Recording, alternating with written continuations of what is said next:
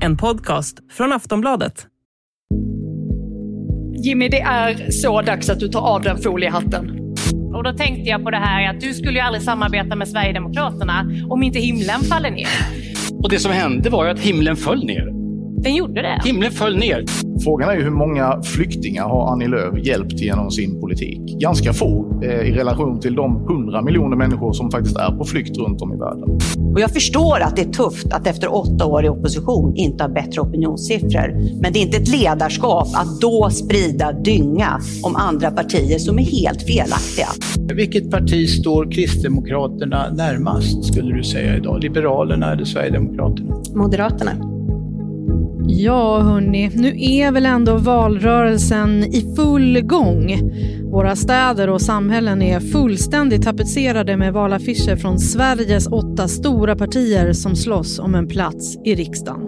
Och i veckan så har vi sett partiledardebatter både hos Expressen och här hos oss på Aftonbladet och i Sveriges Radio P1 har man kört på med partiledarutfrågningar.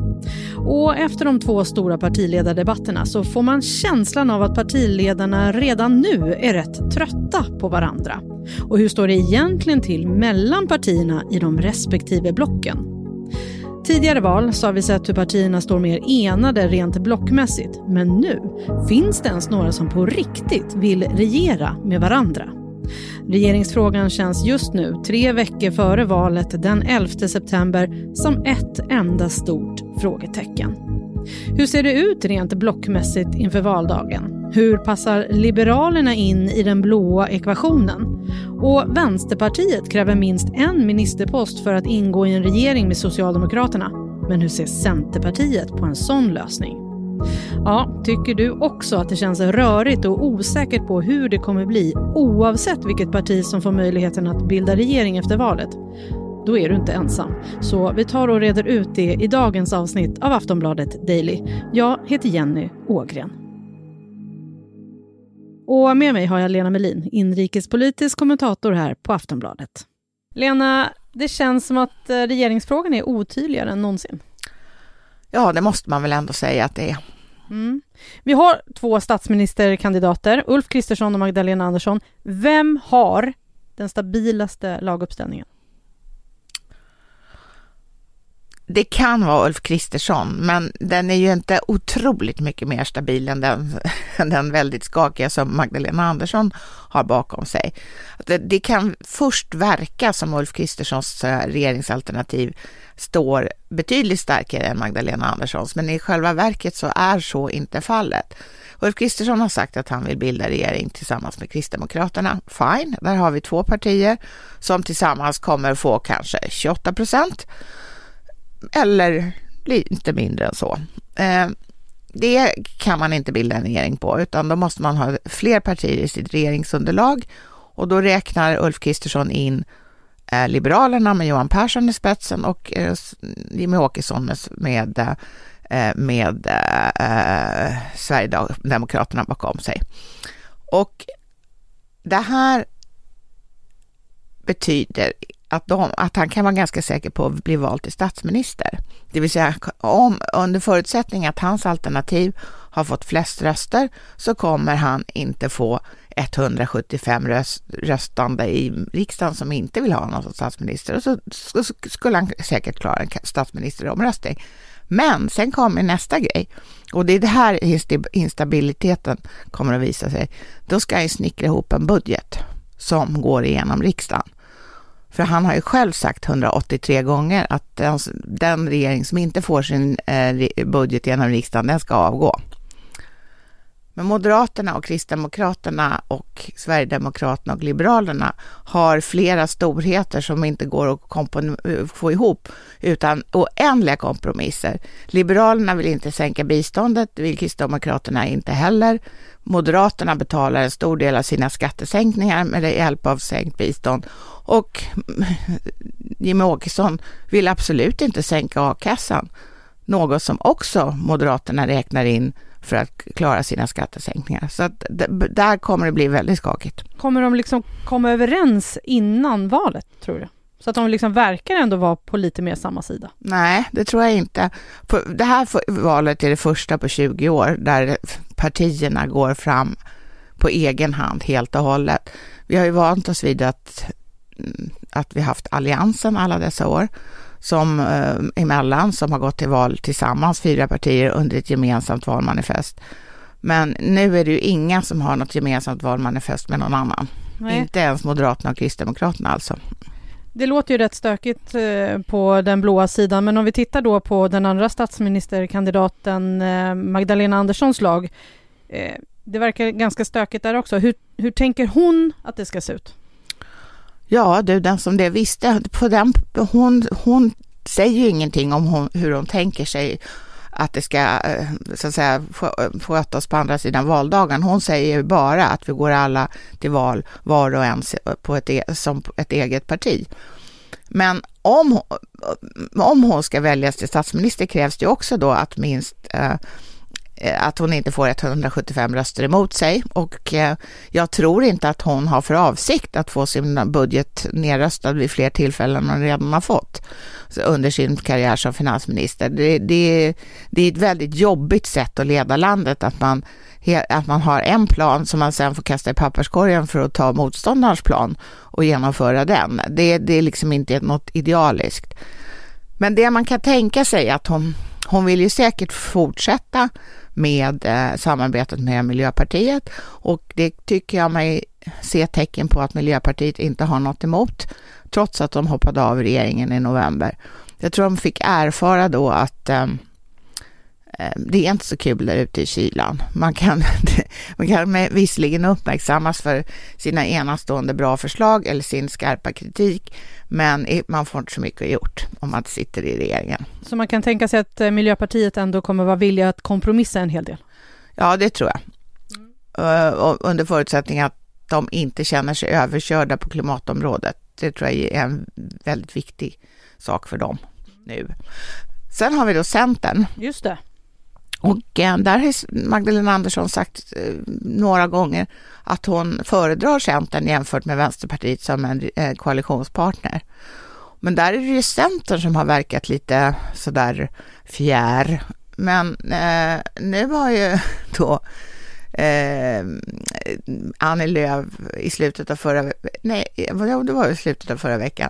Hon har sagt att hon kan visst ingå i en Magdalena Andersson-ledd regering därför att hon tycker att Magdalena Andersson har en bättre attityd än Ulf Kristersson. Därför att hon, Magda säger att hon kan prata med med, eh, hon vill prata med alla partier utom Sverigedemokraterna och det tycker jag då Eh, Annie Lööf är en bättre så att säga, inställning än, än eh, den som Ulf Kristersson har. Sen är det så, både Vänsterpartiet och Centerpartiet har ju krav för att eh, vilja ingå i en regering. Vem tror du att Magdalena lyssnade mest på? Nej, men jag tror att hon lyssnar mer på Centerpartiet än på Vänsterpartiet. Vänsterpartiet har ju också de har ju kravet att de ska få ingå i en regering för att släppa fram Magdalena Andersson som statsminister. Det är ett krav som de, deras partistyrelse har lagt fram eller klubbat och eh, som eh, Nooshi Dadgostar har haft på, eh, på, eh, alltså väldigt stora problem med att kommunicera. Hon har verkligen inte lyckats göra det här klart för för eh, väljarna på ett tydligt sätt. De senaste dagarna har varit helt, eh, ja, som en karusell faktiskt på det området. Men i vår partiledardebatt som vi hade då i onsdags kväll så sa hon att det här var självklart ett krav. Just det. Ja, så att det var ju, det var ju ett tydligt besked. Vi får se var det landar helt enkelt. Men tror du att man kommer kunna lösa knuten mellan Centerpartiet och Vänsterpartiet?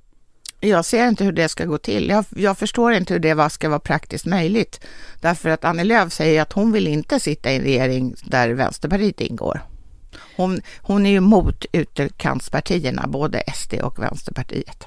Vad skulle du säga då är problemen inom respektive block? Problemet är ju att ingen vill backa ner. Så här är det, Sverige liksom resten av världen, står inför en ganska svår tid. Det är krig i Europa, det är jätteproblem med leveranserna över jordklotet, det saknas halvledare, industrier står stilla, ehm, det är energikris eller energikaos skulle man kunna säga, både när det gäller bensin, diesel och, och, och el. Och eh, Sverige har dessutom en pågående och ganska besvärlig NATO-ansökan. Det, man skulle kunna som väljare ha krav på de åtta partierna att de besinnade sig och tänkte, tänker att det här är en svår tid som, där vi kanske ska se mer till det som förenar oss än det som inte gör det. Men det är inte en inställning som de har och särskilt inte i valtider. Hur kommer det sig då? Ja, det, är det så det, svårt att gå samman för Sveriges bästa? Alla partier är jätterädda att de ska tappa mark, för det betyder att deras kompisar kanske blir av med uppdragen i nästa val därför de krymper. Och det där, är, det där är en svårare grej för partier än många av oss föreställer oss, för vi tror att de kanske är idealister hela bunten, men det är de inte.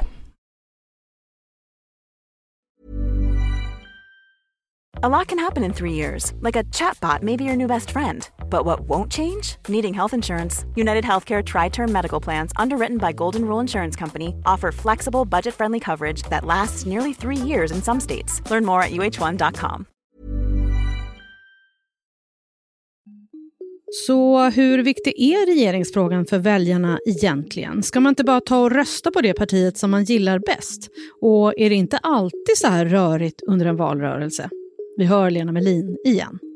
Det som är, ja det är ju en stor skillnad jämfört med, om vi tar det så enkelt som till förra valet, för då fanns ju på, på högersidan fanns Alliansen, sen fanns eh, någon, någon, någon löslig så att säga mm, vänster eh, ja, grupp under ledning av Socialdemokraterna och så fanns eh, Sverigedemokraterna.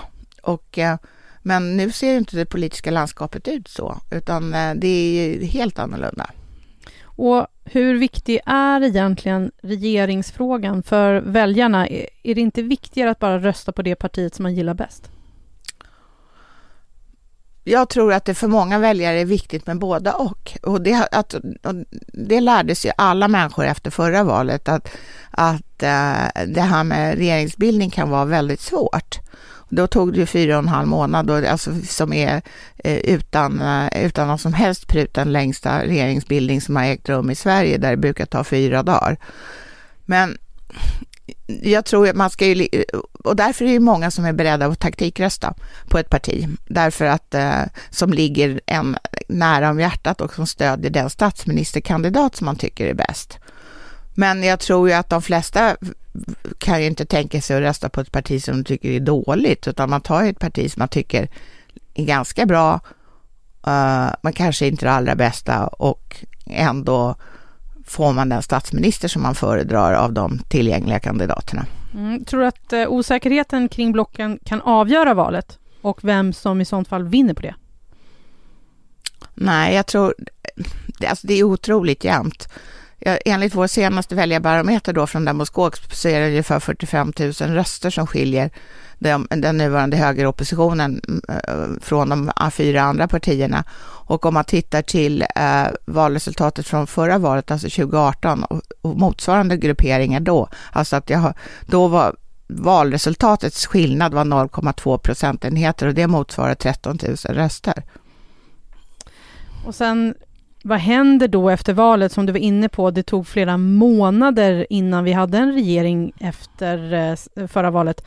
Kom, riskerar det att bli liksom månadslånga förhandlingar och eviga talmansrundor igen?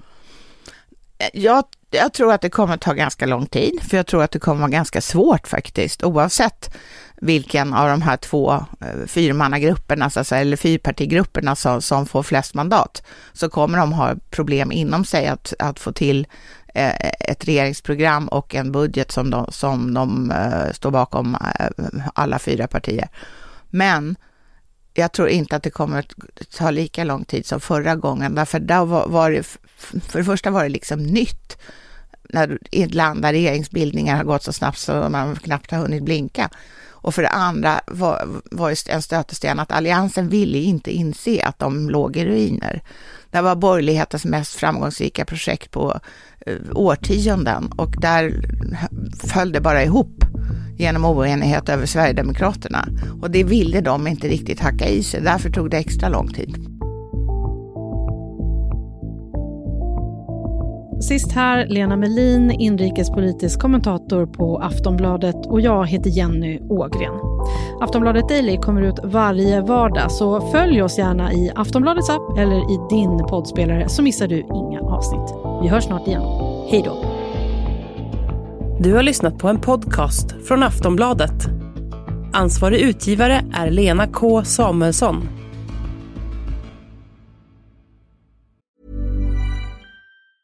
Getting engaged is a moment worth cherishing. A one-of-a-kind ring that you design at Blue Nile can help your love sparkle. Just choose your diamond and setting. When you've found the one, you'll get it delivered right to your door. Finding the right engagement ring can be nerve-wracking. At Blue Nile, you'll have the expert guidance needed and a diamond guarantee that ensures you're getting the highest quality at the best price. Cherish all of life's moments and save up to 30% at BlueNile.com. That's BlueNile.com.